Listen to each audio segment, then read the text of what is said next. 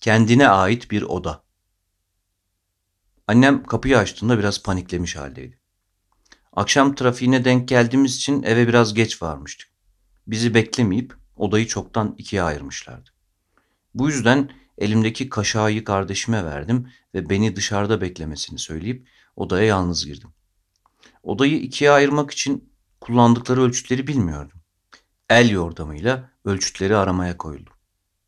Derken elimin altında bir eksiklik hissettim. Eksiklik büyüdü ve canlandı. Kalbinin atışlarını hissedebiliyordum. Kalkıp elimi yıkadım ve duvara sildim. Duvar esnedi ve hapşırdı.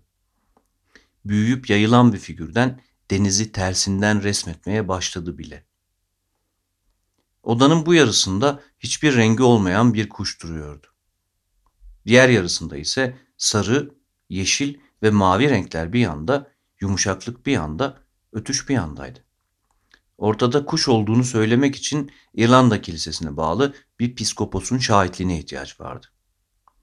Yüzümü bu yana çevirdim. Duvar şimdi büsbütün memnuniyetsizdi. Yüzündeki figürler ve renkler değişmeye başladı. Bir Ahmet ve üç dayı vardı şimdi karşımda. Dayılar aslen baba tarafımdan olduklarında önce ısrar etti. Dayı olmanın ontolojik bir statü olmadığının farkındaydım. Sakince başımla onayladım. Ahmet de bu mutabakat anını sessizce izledi. Sonra Ahmet'in cebine 5000 lira koyup Adana'ya gitmesini söylediler.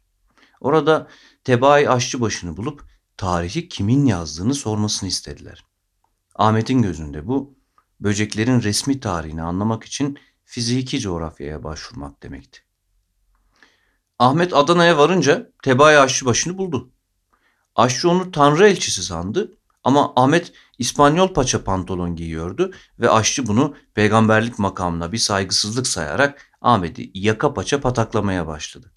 O sırada duvarın hüznünden karantina adasına tarifesiz bir gemi kalktı. Gemide hülahop çeviren 500 asker ellerinde stres yayı hazır kıta saldırı emri bekliyordu.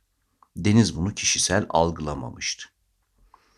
Odanın öte yanında seri şair cinayetleri işleniyor ve Dionysos Adalet Bakanlığı'na kaygılı bağlanmış psikiyatri servisinde rejim yanlısı doktorlar tarafından sorgulanıyordu.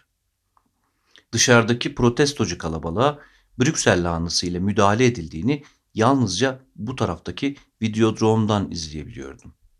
Elimdeki eksiklik acelesi olduğunu söyleyerek sırada öne geçmek için izin istedi. Medeni bir tartışmaydı bu ama uzun sürmedi. Annenin odaya izinsiz girebilmesine dair bir KHK yayınlandı ve kimsenin zorunlu göç fikrini anlamak zorunda olmadığını kendilerine anlatmak için büyükelçiler dış işlerine çağrıldı.